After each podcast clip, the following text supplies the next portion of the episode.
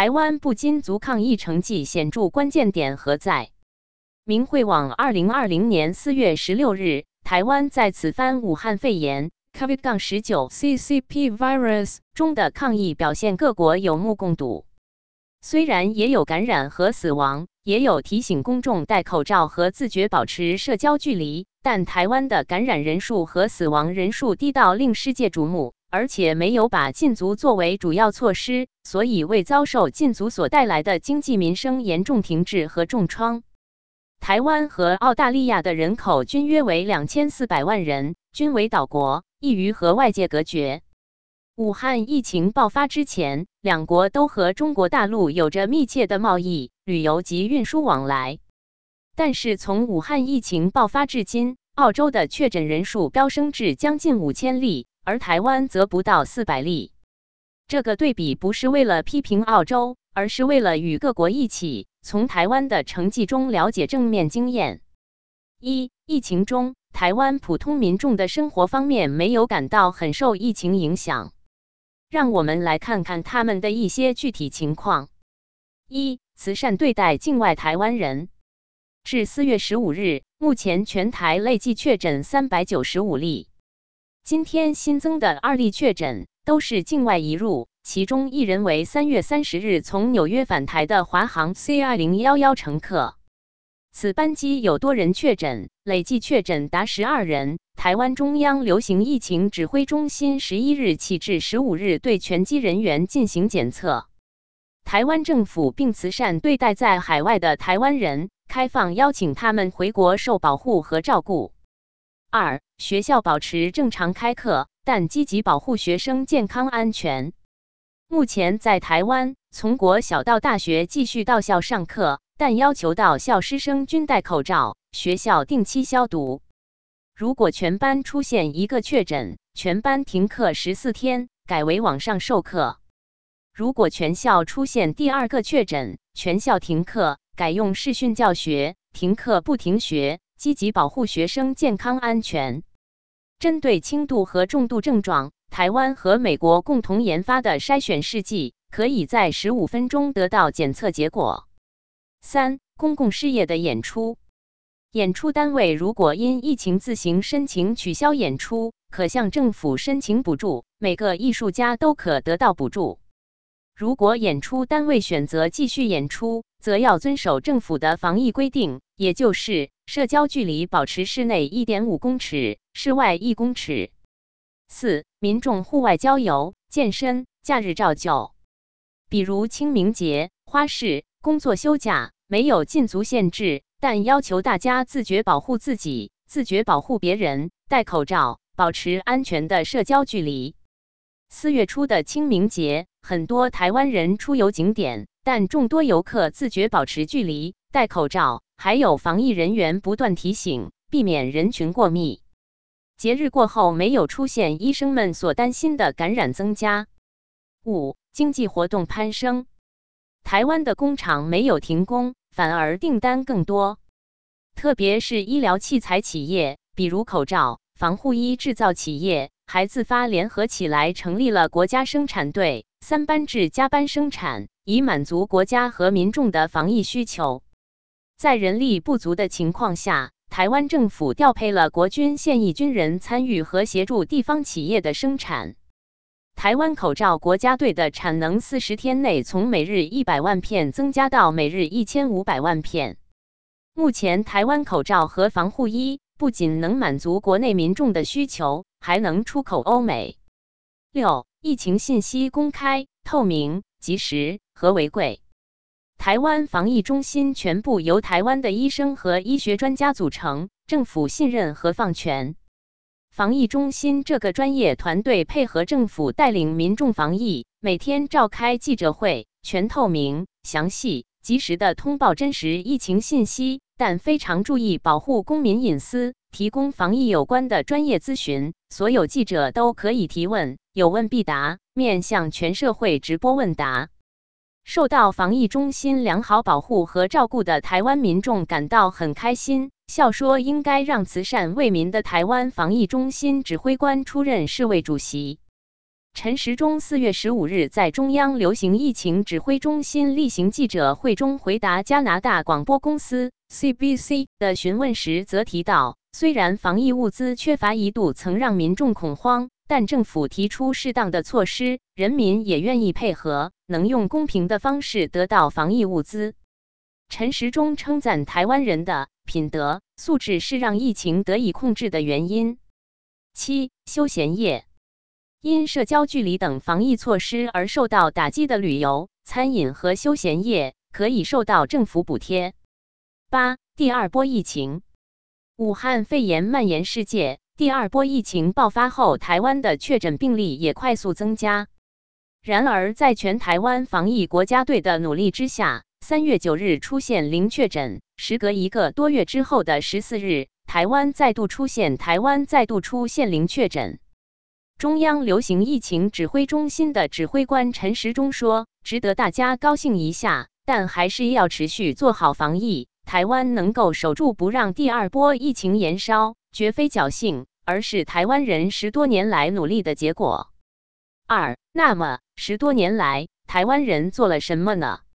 十七年前的台湾是国民党亲共高热期，共产党与台湾国民党大搞两岸关系统一战线。台湾国民党顶级高官们纷纷到大陆发展私家企业，他们的第二代在大陆受到中共高层的很高礼遇，甚至在大陆生根做企业。一些国民党高官本人及其子女已常驻大陆，很少再回台湾。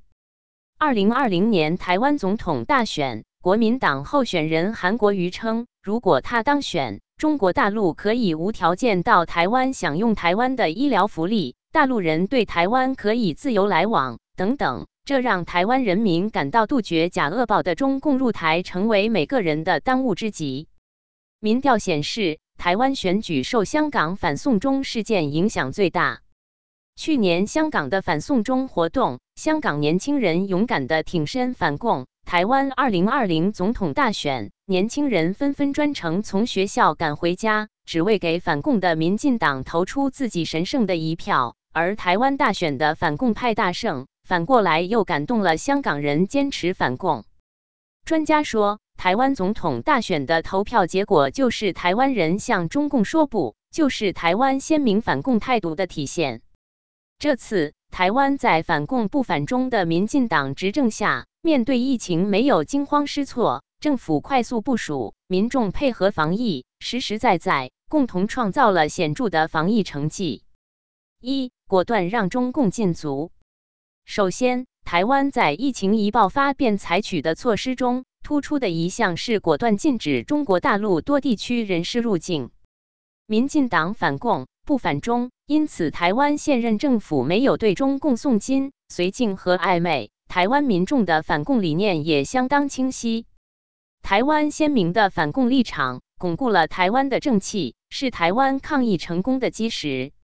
二不依赖中国工厂，台湾没有依赖中国工厂，所以出现紧急事件时，不采用共产主义式的巨额国家资金、纳税人的钱。面对发展中的疫情，台湾迅速加大国内的口罩生产量，并禁止口罩出口。一场疫情让常年被中国以一半低价抢单的台湾企业，接到逾二十国医疗用品和器材订单。不但对全球防疫做出贡献，而且自己也改变了命运，复苏了经济。三、精准裁剪，台湾果断展开精准裁剪，积极而有针对性的防疫和防治，与中共为保持低确诊数字而几乎不检测的政策对比鲜明。台湾卫生部长陈时中指出，要避免医疗体系崩解，确诊病人要少。就必须靠检测来切断社区传播链。台湾现在一天检验量约一六零零到一七零零件，一周将近一万件。检验是很精准的在做，使得在台湾社区传播可能性几乎是没有。四良心正品，正因为台湾自己能站稳脚步，所以后来才能捐出一千万个口罩给欧盟、美国及台湾友邦。值得一提的是。台湾制造并向世界捐送的一千万个口罩，完全是良心正品，经过医疗认证。台湾多位口罩国家队成员指出，现在是抢救人命紧急时刻，赶制的医疗物资最基本要能用。相比之下，市面上涌现大批声称来自美国、日本和印尼等五花八门的口罩，产地标识含糊，药房职员透露全属中国制造。有代理商承认，包装盒故意印上日文，是为了令人有个错觉，误以为是日本货。其实是经行家或分销商由中国大陆取货，相关口罩没有出口证，出口前也没有经过品质检定。中国近期卖给各国的口罩，竟还被发现残留苍蝇尸体。泰国警方八日表示，查获两名中国人走私假试剂到泰国，数量多达四点五万个。除了假的病毒试剂之外，还包括三十五万个外科口罩。一千二百支探热枪，市值三千三百七十五万泰铢，超过一百万美金。泰国当局说会继续调查事件，尝试找出其他进口假试剂的人，并调查这些假试剂的源头。除品质低劣之外，中国大陆各种哄抬医疗物资价格的行径，也更让各国政府望而却步。台湾正品和中国大陆的假货、缺德货形成对比。也无意中起到了推动国际社会认清中共的作用。三，那么为何同为民主国家的西方社会未能在一二月时借鉴台湾的经验迅速抗议呢？中共对武汉肺炎疫情的隐瞒和谎言是导致全球大爆发的最主要原因之一，特别是疫情初期对疫情严重性和传染性的隐瞒。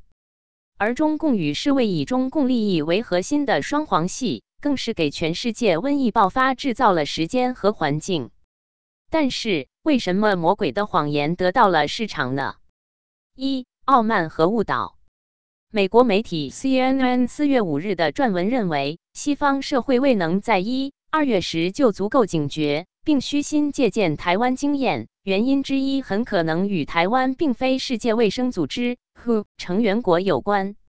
美国是很有实力和个人自由的国家，但因此优势，很多人也养成了傲慢的态度和很强的观念，不知不觉中偏离了谦卑，而谦卑是神对人的重要教导。记者注意到，其一，各国似乎都对世卫受中共掌控的程度，或认识不足，或不以为然。其二，中共对西方媒体的长期渗透，使得众西方媒体一边倒的重复和放大中共宣传。其三，各国商界为了追求金钱利益而把中共作为重要伙伴合作与往来。这三个因素很可能同时扮演了障碍的角色。